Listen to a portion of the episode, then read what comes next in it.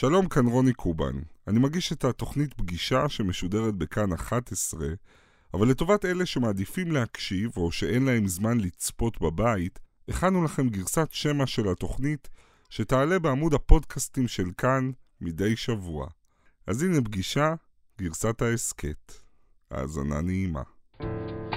בגיל 72 שלמה ארצי לא מגלה שום סימני עייפות. המלך של המוזיקה הישראלית עדיין ממלא את קיסריה ושוני, עדיין קם כמעט כל בוקר מוקדם לכתוב, עדיין מקליט שירים חדשים וגונז אותם.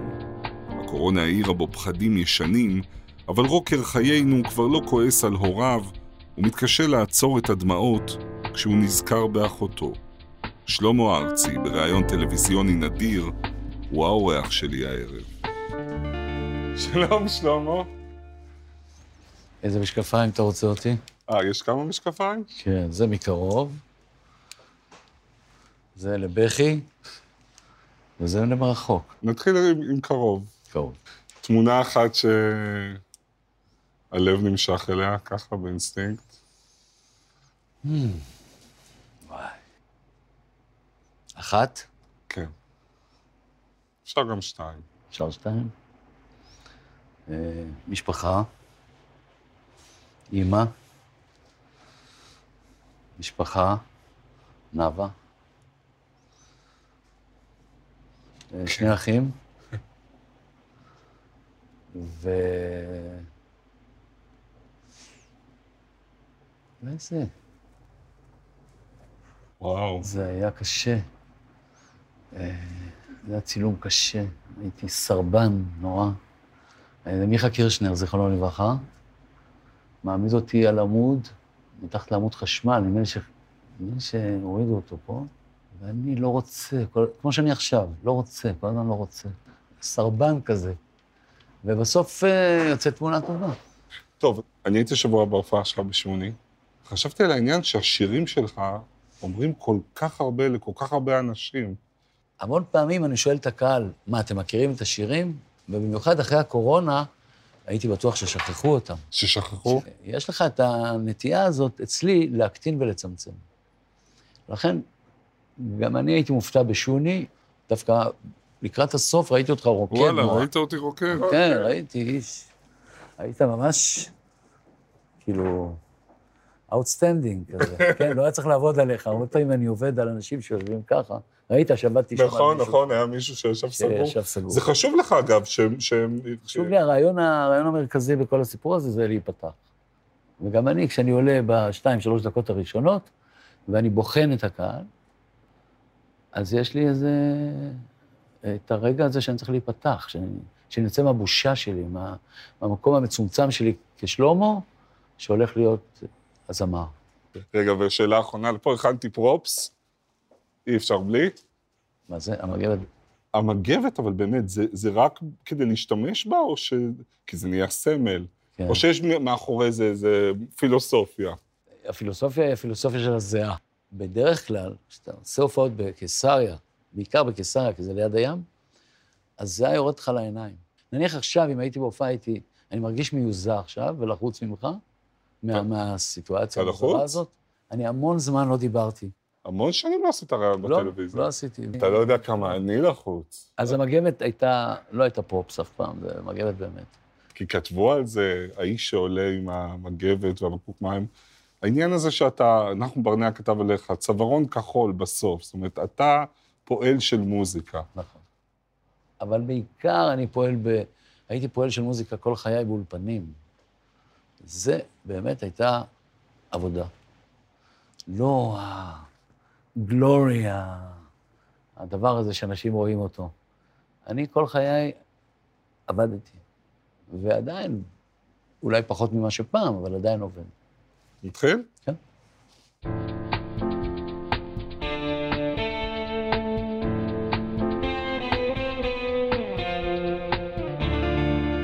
הנה מילה שלא אומרים כל יום. שלום לשלמה ארצי. שלום רוני.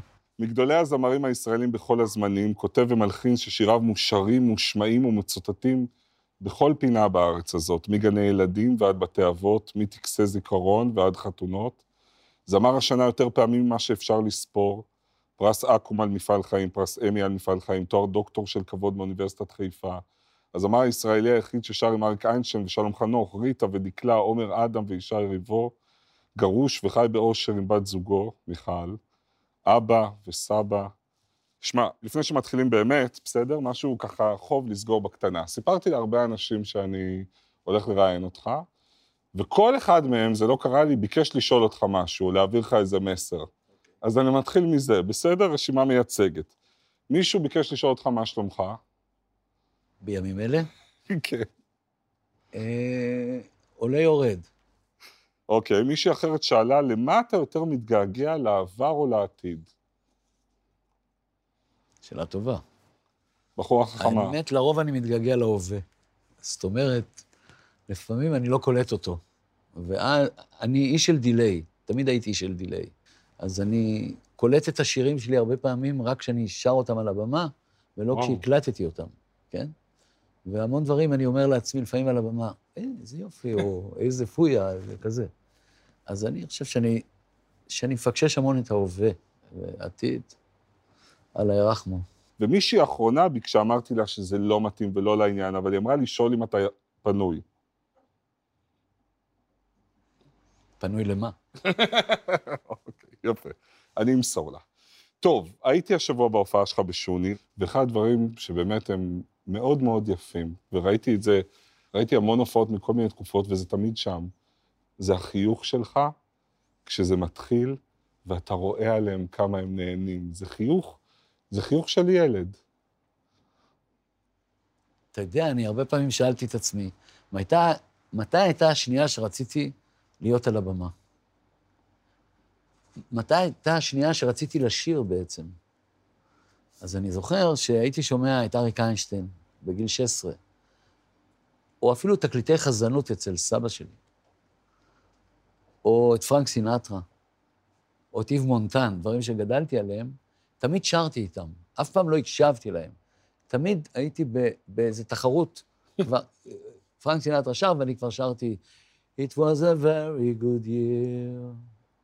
כאילו, כבר רציתי להיות כמוהו, או לעשות לו קול שני. נורא רציתי לשיר. זה היה, פעם אמרתי, זה לא רצון, זה הכרח. וההכרח הזה, כל פעם שאני מגיע ויש לי אה, מפגש עם הקהל, א', אני המום שהם באו. זה עדיין? יעידו כל ה... באמת כן, אתה אמור? כן, כן. מה, אתה, מה, נדמה לי שאתה סולד אאוט מ-1979. נכון. אתה יודע שאני נולדתי אז הייתי ב-1979? סולד אאוט בגללך. ואתה עדיין מופתע? למה אתה... למה? אתה מפחד אולי שהם לא יבואו? ב-1991 התחלתי לחלום שלא, שלא באים וגם שיוצאים. בחלומות? כן, היוצאים יותר גרוע. כי לא באים חוויתי. כן, יוצאים זה נורא.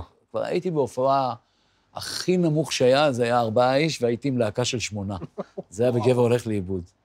אבל היוצאים, היה לי, הי- הייתה לי הופעה אחת של יוצאים, שהם עוזבים אותך. וב-91, באיזו התנמכות כללית והקטנה פנימית, הרגשתי שחלמתי המון שהם יוצאים, ואז הלכתי לטיפול, ו... ואחרי זה כתבתי את ירח. פסיכולוג. כן. שלמה ארצי בא לפסיכולוג. ואומר- אמרתי לו שאני חולם שהם יוצאים כל הזמן, שהם עוזבים אותי. אז מה הוא אמר הפסיכולוג? מה הוא אמר לי אז? שאני צריך להיות, להתייחס אל עצמי ברצינות. זה מה שהוא אמר. הוא אמר שהוא ראה אותי פעם בטלוויזיה שר שיר נורא ברצינות, ובסוף עושה... אתה רואה את התנועה? כן, כן. עלק. הוא אמר, תוריד את העלק הזה. אל, אל תהיה מבויש שאתה עושה את הדבר הזה. תהיה עם הדבר הזה עד הסוף. אמרת עכשיו הקטנה, וקודם דיברת על צמצום. כן. זאת אומרת, זה יש לך לפעמים את העניין הזה של מה, של חוסר ביטחון, או... קודם כל, יש לי חוסר ביטחון. מי שחושב שיש לי ביטחון, אז הוא טועה. הצופים יושבים ואומרים עכשיו, אה, שלמה ארצי חוסר תקשיב, ביטחון. יש לי אופניים ויוצא אוויר כל הזמן, אז אני כל פעם בא לנפח. ביטחון זה משהו שצריך לנפח אותו, זה לא עובד, זה לא כאילו נתפסת על ביטחון ושם אתה נשאר. לא, יש לך תקופות שאתה עולה, יש תקופות שאתה יורד, יש תקופות שאתה כותב שירים ואתה יודע שהם טובים, ויש תקופות שאתה כותב שירים ואתה יודע שהם לא טובים. אתה יודע שהם לא טובים? כן. ואז לא מוצאים. בסוף הטיפול מצליח, אתה חוזר להופיע, הקהל בא בהמוניו. אני רוצה שנראה קטע כזה, דקה, זה תמיד כיף להסתכל.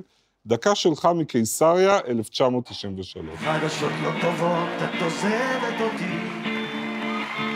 ואיש עם מקל אומר, תסתכל, זה מה שנשאר. זה מה שנשאר. רק כמה עדיין, יש הרבה בדמיון, מעט בחיים. זה מה שנשאר. או, אני מדליק את האור. אני אומר לעצמי, מחר זה מחר, מחר היא תחזור, זה מה שנשאר. הייתי אצן בתקופה ההיא. מה אתה רוצה לדעת? יושב הצופה ושואל את עצמו, מה עובר עליו? כן, גם אני כבר לא יודע מה היה שם. אה, נראה לי שיש שם רצון להיות נאהב מאוד.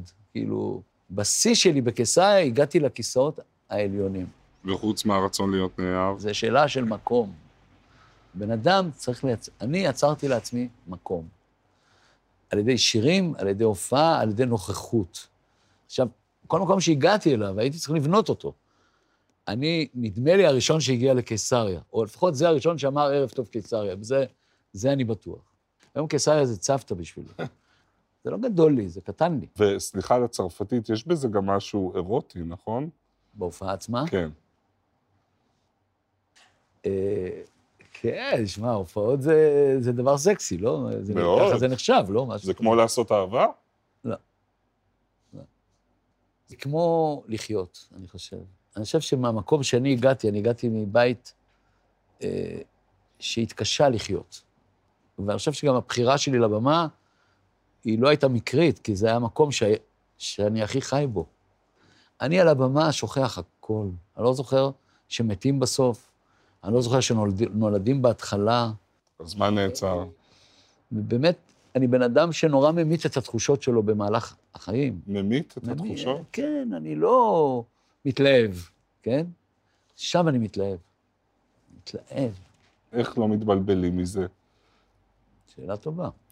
קודם כל מתבלבלים מדי פעם. דוגמה, תן דוגמה.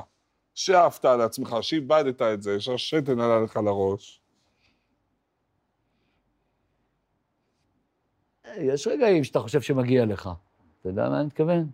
אה, מה, סקס, סמים ורוקנרול? לא, כזה? הרבה פעמים אני מרגיש אה, אי נוחות מסוימת בזה שדברים מסוימים נחסכים ממני, למשל טסט.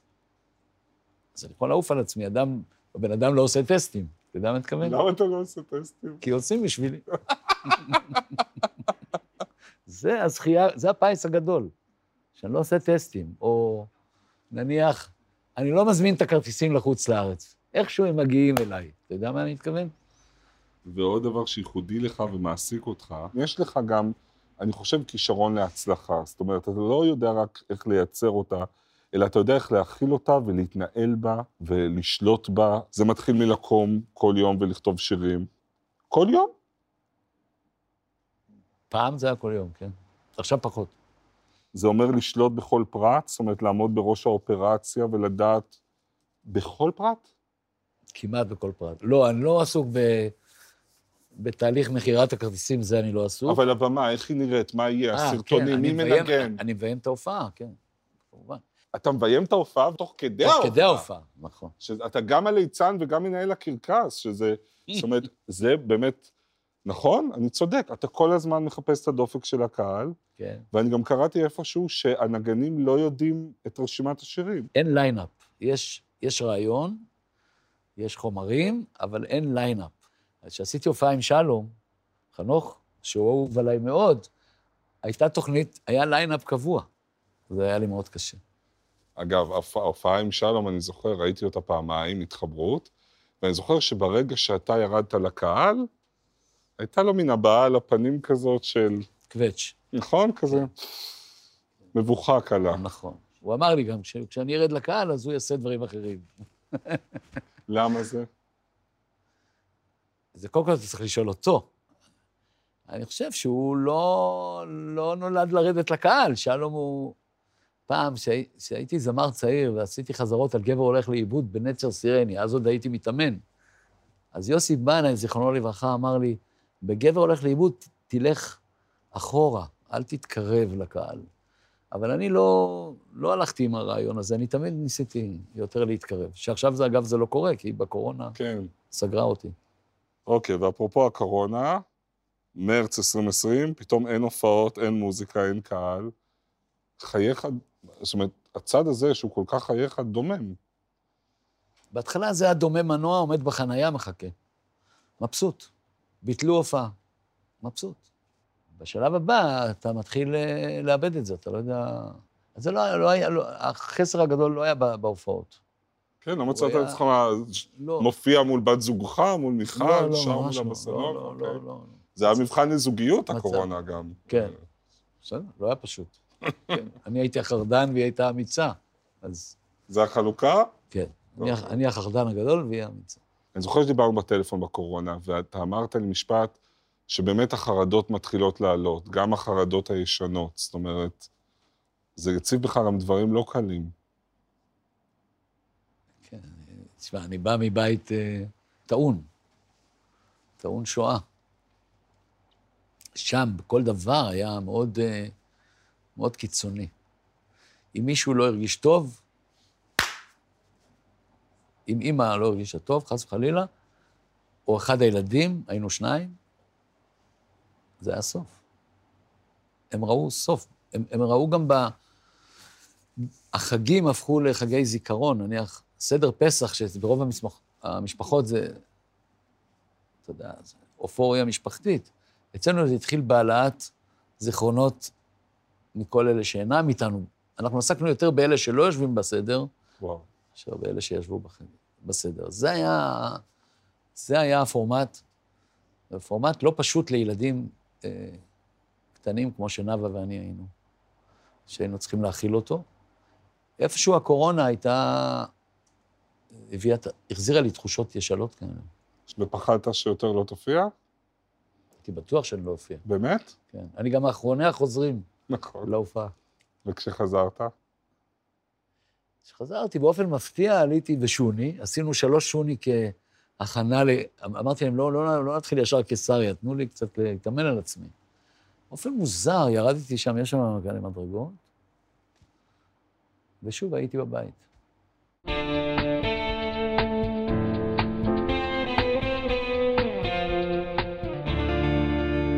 טוב, התחלנו את התוכנית עם סבא מצד אימא, כן. עכשיו סבא מצד אבא, שהיה טיפוס די מורכב, זה סיפור מטורף, לא נספר את כולו. אחותך נאוה, זיכרונה לברכה, כתבה ספר מקסים, יש פה את העטיפה, על חייו, פאני וגבריאל. בתור התחלה, ב-1920, סבא שלך נוטש את אשתו ואת הבן שלו, שזה אבא שלך, כשהוא רק בן שישה חודשים, הוא מפליג לאמריקה ונעלם, והוא משאיר את אבא שלך סוג של לבד עם אימא, סוג של יתום. כן. עד גיל 30. עד גיל 30. ואבא עד שלך, שאני נולדתי בעצם. כן, שם הם יוצרים קשר, בברית שלך. ועכשיו אבא אומר לו, אתה רוצה להישאר? אז הוא אומר, מה פתאום, זה חם פה. הוא בא מניו יורק. בואו לאמריקה. לא, הוא לא יצא, הוא אמר, אני רוצה להתגרש. איש מקסים. והוא התגרש. הבנתי. אבל. אז הוא מתעוור. ואז אבא נוסע להביא אותו. מהלך שנה אבא נעדר מהבית, ואז הוא מביא אותו לישראל, ואז הוא מתחתן איתה שוב. זה לא היה. הבנת? הוא מתחתן עם סבתא שלך, כמה? 40-50 שנה אחרי שהוא אז נטש לא. אותה? 40 שנה בערך. כן. נטש, 30 שנה התגרש, חזר כעיוור כבר, ואז בלית ברירה לא יודעים מה לעשות איתו, אז הוא מתחתן. אבל מה יותר מטורף, שהוא הציע או שהיא הסכימה? אני שאלתי אותה כשהייתה מבוגרת מאוד, היא לא דיברה עברית. קראתי לה בובלה, אמרתי לה, שנים אחרי, כבר אחרי מותו, מה היה הסיפור שלך? תגידי, את... אז היא אמרה לי, אהבתי אותו. עכשיו, זה כמו אהבה בסרטים כאלה ששולחים אה, בקבוק, ולעולם הוא לא חוזר, ככה היא אהבה אותו. כי כשהוא הגיע, הוא כבר היה ההד של עצמו, הוא לא היה, הוא לא היה עצמו, הוא היה עיוור, ואני הייתי המוביל שלו, הייתי הפיליפיני שלו. והוא לא, לא היה איש, היה הד, הוא היה כועס נורא, מריר על החיים. ובזמן שהוא נטש, אבא נשאר ברומניה. הוא עובר עם אמא שלו את המלחמה לבד, הוא מציל באמת הרבה מאוד יהודים ברומניה. עד כמה הייתה טבועה בו, באבא שלך, הנטישה? של אבא שלו? קשה לדעת, הוא היה, קודם כל היה מזל הקרב, הוא היה נורא סגור. והוא גם לא דיבר על עצמו אף פעם. נניח שאלת אותו מה שלומך, אז הוא היה מסביר לך מה קורה בהסתדרות הציונית. אבא היה, אפילו הספר היחידי שהוא כתב נקרא דווקא ציוני. האיש היה ציוני, הוא, זה כל מה שהעסיק אותו, המדינה והמדינה והמדינה. אבל חוץ מציוני הוא ידע להיות אבא? הוא היה, אני חושב שאת החלק התרבותי, הוא נתן לי ולנאווה.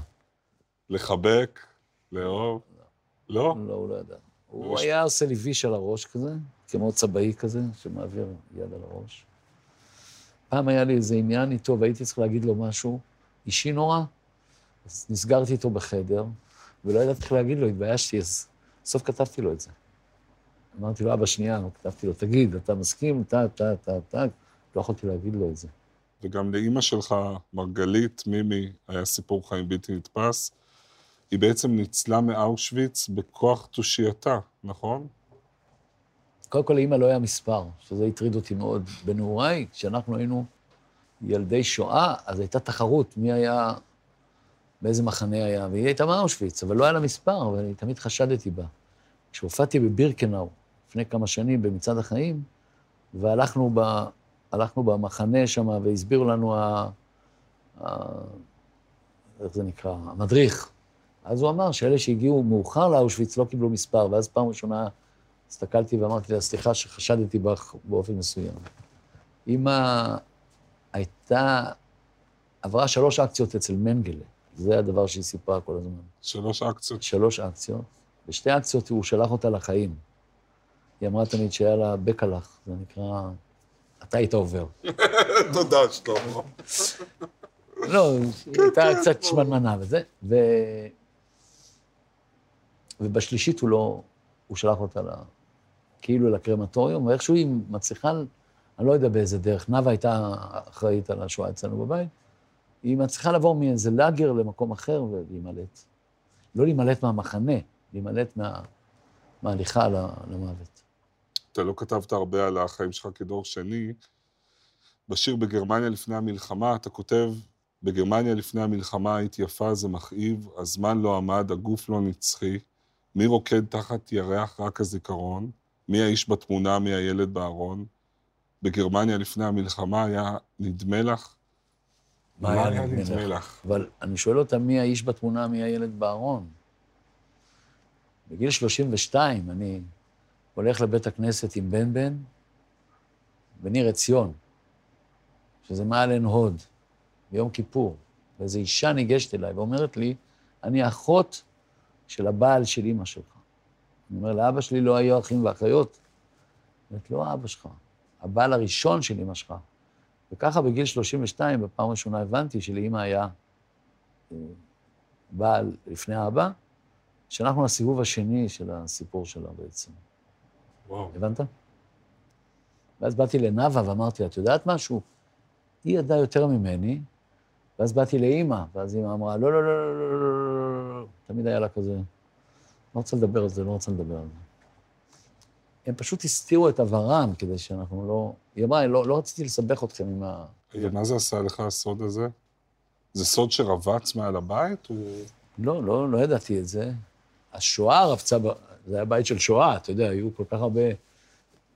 אני תמיד סיפרתי שעשיתי פעם עם פוליקר ערב ביום השואה ב-88, ועבדתי טוב עם יעקב, אמרתי להם, איזה כדורים אימא שלך לקחה? אז הוא אמר, "אה, נומבון. כולנו ידענו מה זה הנומבון הזה, כאילו. זה כדורי הרגעה כאלה. היו כל מיני דברים שקרו בעקבות העובדה שהם היו ניצולי שואה שלא טופלו. מה עוד? אה, ההתעסקות עם אוכל, אה, חרדות, הרבה חרדות. חרדות שאתה שומע בלילה. שאנשים אה, לא נרדמים, או מתעוררים, או מסתובבים, ואתה ילד. זה לא דברים שאתה מבין אותם לגמרי. ואיזה ילד אתה בתוך זה? אתה ילד שרוצה להימלט מהגלותיות הזאת ומהשואה באופן הזאת? מסוים להימלט מהגלות. ולהיות אריק איינשטיין נגיד? כן, כן, בשלב מסוים. רציתי להיות אפילו שלישיית גשר הירקון ביחד, אתה יודע מה? והתרנגולים. אה, אני חושב שמי שהייתה איתי כל הזמן הייתה נאוה, אז היינו כל הזמן, למרות שהיא נולדה חמש שנים אחריי, גרנו באותו חדר, וכשהיו מחשיכים את החדר וכדי שנלך לישון, היינו מדברים המון. והיינו, היינו כאילו, היא הייתה חכמה והייתה נורא נמרצת והייתה נורא... אתה כתבת על הרגע she, ש... she was alive, אתה יודע, כל הזמן. ואני, ואני הייתי קצת דעוך מאחוריה. אז היא החזיקה אותי גם, היא בעצם באמת היה הבן אדם ששמר עליי יום מותה. אתה כתבת על נאוה, אני אהבתי אותך אחותי מהיום שהגעת אלינו הביתה בשכונת ביצרון, כי למרות שרציתי אח, הבנתי שאת הגעת להיות האור של הורינו הניצולים, והאור שלי. את היית my guar- guardian angel, נכון. המלאך השומר שלי. כשהיא הגיעה, הבית הואר פתאום, כאילו, כאילו פתחו את הדימר בבית. עד אז היה... תראה, אני התנהלתי, כן? פעם העפתי תנור נפט, ושרפתי חצי סלון, הייתי ילד רחוב, יצאתי, הסתובבתי, העפנו עפיפונים, בנינו קורקינטים, הייתי פעיל מאוד, הייתי שכונתי. אבל כשנאוה הגיעה ואתה חוזר הביתה בערב, היא היא- היא האירה את הבית. אתה יכול לתת לי דוגמה, אתה אומר guardian angel, לרגע שהיא הצילה אותך? רגע אחד? היא רוב הזמן הצילה אותי. דוגמה, סיפור. לא, גם היום, כל, כל, כל פעם שהייתי נכנס לאיזה תחושות של ריקשי וזה וזה, הייתי בא, הייתי המון מדבר איתה. המון המון מדבר איתה. גם בגיל מבוגר היא הייתה guardian ברור? כן, לגמרי. אני יודע, אני זוכר אפילו פעם כתבו עליך ביקורת איומה, והיא נכון, כתבה... והיא כתבה להם אה, תשובה, משהו כזה. עוד שהתעצבנתי עליה, כן. אבל היא הביאה רעיון יפה דווקא בתוך הביקורת. אה, תראה, זה אנשים שהיינו שני שומרים כאלה, אחד על השני. היינו, היה, בין, היה לנו קוד. לא צריכים להיכנס בטלוויזיה לכל איזה. ניואנס, אבל אה, אני חושב שהקוד היה ברור שאנחנו שומרים אחד על השני. ואני זכיתי להכיר את נאוה קצת, היא הייתה סופרת נפלאה ואישה נדיבה, והיא הלכה לעולמה שבועיים אחרי אימא שלך, נכון? בול. בהס- בהספד שהקדשת לנאוה אתה כותב, אני זוכר שכשהיית בת חמש ואני בן עשר ואימא התעקשה להאכיל אותך כדי שלא תהיי רזה כמו בשואה, כל ארוחת ערב הפכה לסיוט כי נהייתי בעל כורחי אחראי על ההאכלה שלך, כי התחלת להקים מההאכלה הזאת. ואז ערב אחד שהכית ממש בסוף הארוחה, אמא התעצבנה ויצאה מהבית ונעלמה. ואני זוכר אותנו הולכים יחד, יד ביד, בוכים עד צומת יהודה מכבי וברנדס ליד הירקון, כי פחדנו שאמא תתלה את עצמה כמו כל מיני ניצולי שואה שתלו את עצמם אז. ואז אמא באה מולנו ונהייתה לנו נשימת הקלה, כשחזרנו הביתה כמו שלושה ניצולים שעלו על סקטים, וכשלחשתי לך שלאמא לא יקרה כלום בחיים, את צחקת.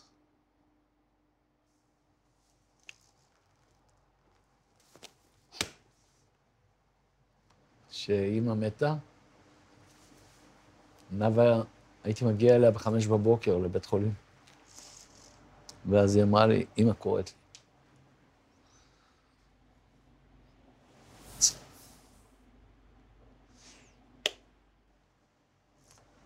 זה לא משהו שאפשר להתגבר עליו. החיסרון שלה, זה, ב, ביסוד אני יתום, כאילו, אתה מבין? אין לי אבא ואין לי אמא ואין לי אחות, זה מה שהיה לי.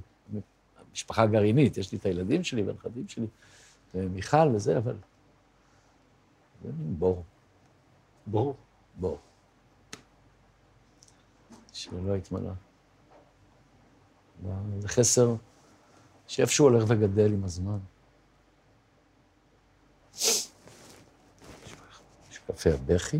שנייה. משקפי הבכי עובדות. הבכי עובדות. מה מה הטריק של משקפי הבכי? זה. שאתה לוחץ פה, ואז יוצא לך בכי.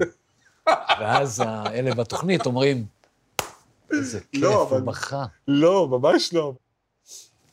אוקיי, התאוששתי.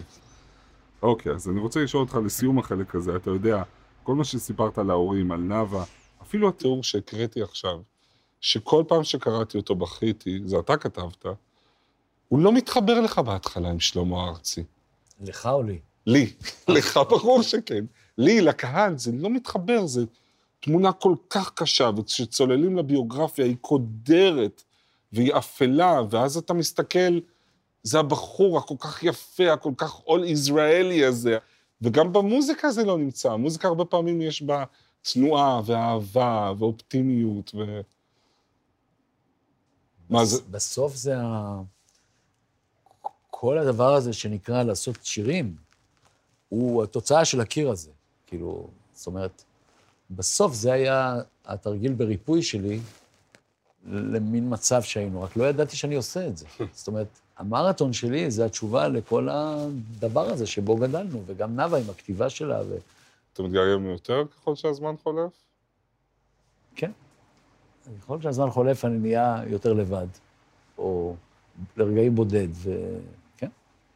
זה, זה, זה נפל עליי, גם המוות הזה של שתיהן בבת אחת, זה היה כמו אחת שנופל לתוך אה, הר געש כזה. למה אתה הכי מתגעגע עכשיו, ביום-יום? אצלה? כן.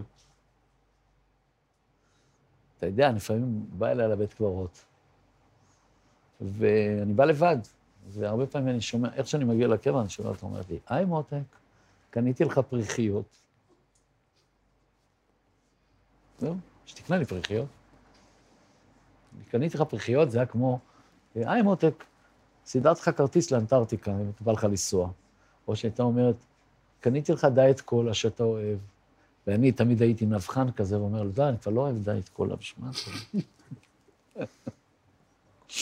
היא תמיד באה ככה, ואני באתי חצי. אז בזה אני מתגעגע.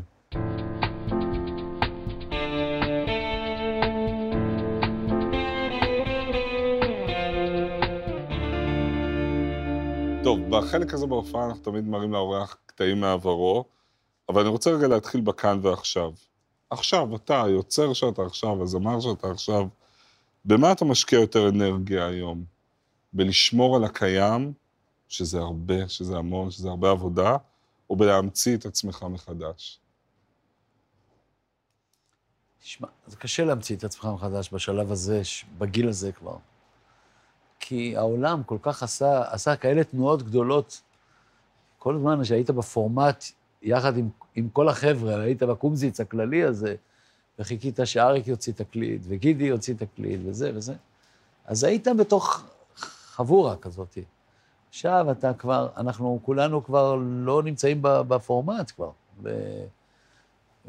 וזה גם לא השפה שלנו, לא, אנחנו לא מדברים היפ-הופ, אז... אה, ולא אינסטוש ולא טיקטוק. ולא אינסטוש ולא טיקטוק, נכון. אז אני חושב שזה איכשהו שמירה על הקיים, הייתי אומר שזה, ה...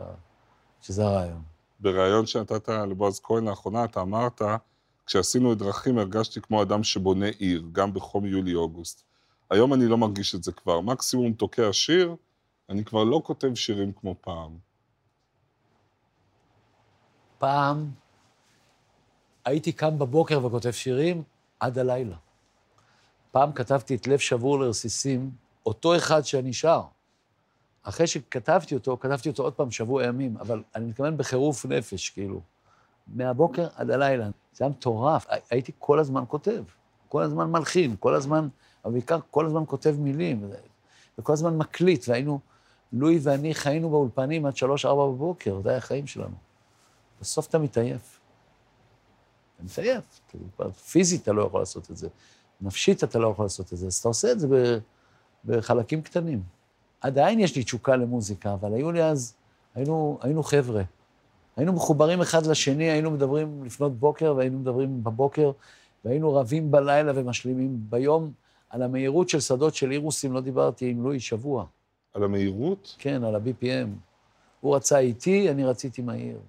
מה שאתה שומע באלבום המקורי זה לואי. מה שאני רציתי זה אז לא הייתה לי מכונית גדולה, ולא... די די די די די די די די ככה זה מתחיל. אני חושב שזה בסוף, בהסתכלות שלי על החיים, זה ממש הרגעים שהייתי הכי מאושר בהם, חוץ מעל הבמה. אבל לא הכל היה ורוד. בסוף שנות ה-70 הקריירה שלך מגיעה לשפל, כשאתה בעצם שוקל לעשות הסבה מקצועית. הלכתי למכור ספרים. זה לא... מה, הייתה... כולל להמליץ? כדאי לכם לקרוא את הספר? לא, לא, ממש לא. אני הלכתי לחפש עבודה, לא היה, לא היה לי... לא היה לי... לא הייתה פרנסה, מה שנקרא. לא הייתה פרנסה? לא הייתה פרנסה. לא, בשלב מסוים זה פתאום נקטע, ולא היה... כמו שאומרים, לא היה הזמנות למלון. הקהל לא... לא היה ביקוש. מה היה רגע שהיה הכי תחתית של התקופה הזאת? אחד שלא היה בכלל כלום. זאת אומרת, לא היו הופעות. אני זוכר שאימא שלי שאלה את נועם, שהיה המרגן שלי, בשבת בצהריים, למה שלמה לא עובד? אז הוא אמר, כי אף אחד לא רוצה אותו. הוא אמר את זה ככה, או משהו כזה, אבל לא מתוך אכזריות, מתוך דאגה. ואז אה, הוא הלך וקבע לי חמש הופעות בקיבוצים, אני והגיטרה שלי. עכשיו, לא איזה גיטריסט על. ואז הוא מתחיל תהליך שבשלב מסוים הופך לשלאגר מטורף. אנשים היו מזמינים כרטיסים להופעה כשתהיה הופעה. הם לא ידעו מתי תהיה הופעה. עד כדי כך הצלחנו. אבל השלב לפני זה היה בור, כלום, לא היה שום דבר. אני רוצה שנראה קטע מהשיר שבעצם פותח לך עידן חדש. גר הולך לאיבוד דרך מרפסת בין שיחי השרה הוא מתנדנד כשהרוח נכנסת הוא נעזר הוא נושר בסתיו לא אל תהי כועסת הוא מאוהב איך זה לראות אותך? מוזר. מוזר? כן. קודם כל הייתי... חשבתי שהייתי יותר מבוגר כשעשיתי את השיר הזה. זה כאילו שיר יותר מבוגר ממה שאני נראה. אתה מבין מה אני? כאילו היה צריך להופיע זמר עם שיבה אה, לשיר את זה. ומופיע איזה תינוק כזה ששם גבר הולך לאיבוד, והוא לא נראה גבר בכלל. הוא נראה נער הולך לאיבוד. אני חושב שהשיר הזה, גברים בשירים שלנו לא ממש הלכו לאיבוד, הם הלכו למלחמות, הם נלחמו על שטחים ונשים. כאילו השיר הזה קצת נתן רישיון לגברים כאן להיות עוד משהו חוץ מחייל ומאצ'ו ומאחד מהחבר'ה. אני חושב ש- שהשיר יצא לרדיו, אני... הרבה דיברו איתי על זה. גברים דיברו על זה, שזה, שזה נגע להם איזה מקום שבו הם, לא היה להם נוח עם עצמם באופן מסוים. אבל אתה, אתה בא ביום-יום, אתה אדם שמדבר על הרגשות, על הפחדים, על החולשות. כן, יותר מדי. הבת שלי קוראת לזה זולג. זולג, אבא, אתה זולג. זולג. הבנתי. ועוד דבר שהזכרת קודם, שעד התקליט הזה והשניים שבאו אחריו, דרכים וחצות, לא שרו כאן כל כך אני, שרו אנחנו. נכון. סיפרת שאבא שלך לקח אותך לשיחה על זה. אבא שלי באמת, כששינויי מזג האוויר יצא לרדיו, הוא אמר לי, למה שצריך לעניין את הקהל כל ה... עכשיו אני יודע, וזה שאתה מספר על עצמך, כאילו, פעם הייתי... ו... מה, מה זה מעניין שאתה מספר על עצמך? הוא לא בא ממקום כזה. זה היה זר לו. הוא לחש לי את שיר הפרטיזנים ליד האוזן, כשהייתי קטן. עכשיו, הטרילוגיה הזאת, שגבר הולך לאיבוד דרכים וחצות, הצלחה אדירה, אבל היא לא מיד מקבלת הערכה של האליטה התרבותית. היו ביקורות לא טובות, ו- ומה שמעניין, שגם מהקולגות בהתחלה אתה לא רווה נחת. ראיתי בכמה רעיונות אתה מדבר על קליקות במוזיקה הישראלית.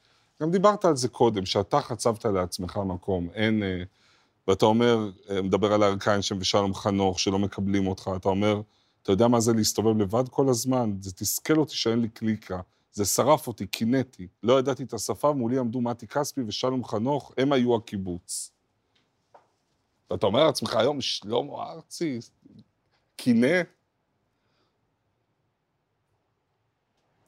בסוף עשיתי את הדרך לבד, אני לא יודע, גם... אתה יודע, כתבתי טקסטים שאנשים ירדו עליהם, וזה וזה, איכשהו נשארתי כל הזמן אה, נאמן למכונית הזאת שנסעתי בה. לא הייתה לי גם ברירה אחרת, לא ידעתי משהו אחר, אז, אז אני נסעתי, לא יודע. עשיתי את הדרך שלי, זה כמו אחד ש... שנוסע על כביש אה, ארוך. כן, היו רגעים שקינאתי, היו רגעים שזה לא הצליח, היו רגעים שירדו על זה, היו רגעים כאלה ואחרים, אבל זה לא משנה, אני בסופו של דבר אה, עליתי למכונית שלי ונסעתי את הדרך. נהגתי אותה. אתה יודע שאתה ראיינתי אותך פעם ראשונה לפני... ראיינת אותי? כן. אתה רואה, אתה לא לא. זוכר, לפני איזה 20 שנה לערוץ 10, עשיתי עליך כתבה שהופעת בצוותא, אני לא זוכר מזה כלום, אני רק זוכר שבסוף אתה הסתכלת עליי ואמרת לי, רוני, תדע, הזמן עובר, בסוף הזמן עובר. כתבתי את זה גם. לא? איפה כתבת את זה? בהגדת 21. הזמן עובר, כן. אבי הזקן אמר, הזמן יעבור בטיסה. עשה, הוא עבר בטיסה? מאוד. לא יאמן. אמרת קודם שלפעמים אתה מסתכל על עצמך, ואתה קצת מופתע מהלבן, מהגיל, שבפנים אתה... לא, מג- הסתכלתי פה במוניטור, הראו לי תמונה שלי, מהתוכנית הזאת. התוכנית הזאת. ו... חשבתי שזה איש יותר צעיר שמופיע כל הזמן. אז הגיל הוא אויב או חבר?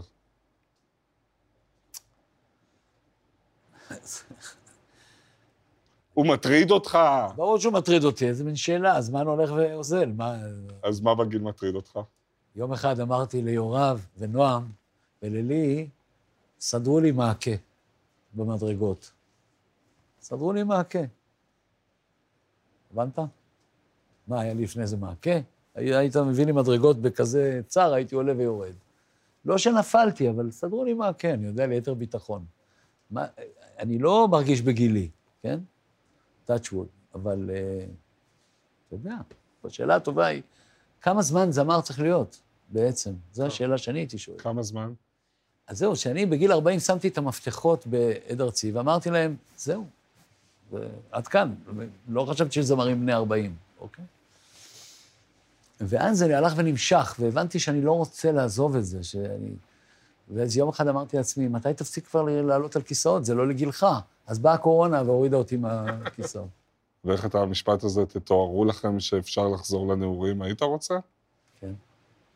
לאן? תשמע, אני הייתי תלמיד מחורבן ברמות. חורבן, באמת. מתמטיקה, פיזיקה, כימיה, ביולוגיה, אפס. ולמרות זאת, אה, חוג דרמטי, צופים, אני הייתי שר אה, שיר שנקרא כוכב הצפון, בצופים, כולם ידעו שאני שר. הכוכב הצפון עוד אוהר, הכוכב הצפון עוד בוער. אתה מכיר את זה? הכוכב הצפון, כחייל נאמן, הוא ניצב בפינה. כן, הייתי חוזר לשם, לצריף של הצופים, שר את זה. בטח, מה? כדורגל, מה לא? שלמה ארצי, מה? אני אגיד לך? תודה רבה, היה מרתק והיה מרגש, ותודה רבה רבה. למה בחרת בשיר הזה דווקא? למה בחרת את השיר הזה? זה שיר שמזכיר לי את הבית שלי, השיר שלך? הזה. כן. אוקיי. בתוך הבית שגרת בו פעם, גרו כל הסודות והשקרים. במחברת קטנה ציירת עולם, והרוח בקרם נעורים. העץ בחלון היה שיח קוצים, וכשהתחלת למרור בסולו גיטר שהצלחת להוציא, הרסת את כל הקירות. ובלילה קבעו האורות הקטנים, חלליות היו עפות בשמיים. והיית חושב אם כולם ישנים אז מי על הבית? והיית מחסיר פעימה של הדופק, וחוזר מהחול עם צדף חם. ואומר שראית על הים את האופק, ובוכה בחדר כי ראית את בדידותך גם.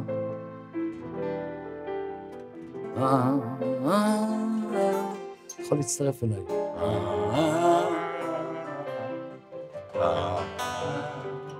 הבית שלך,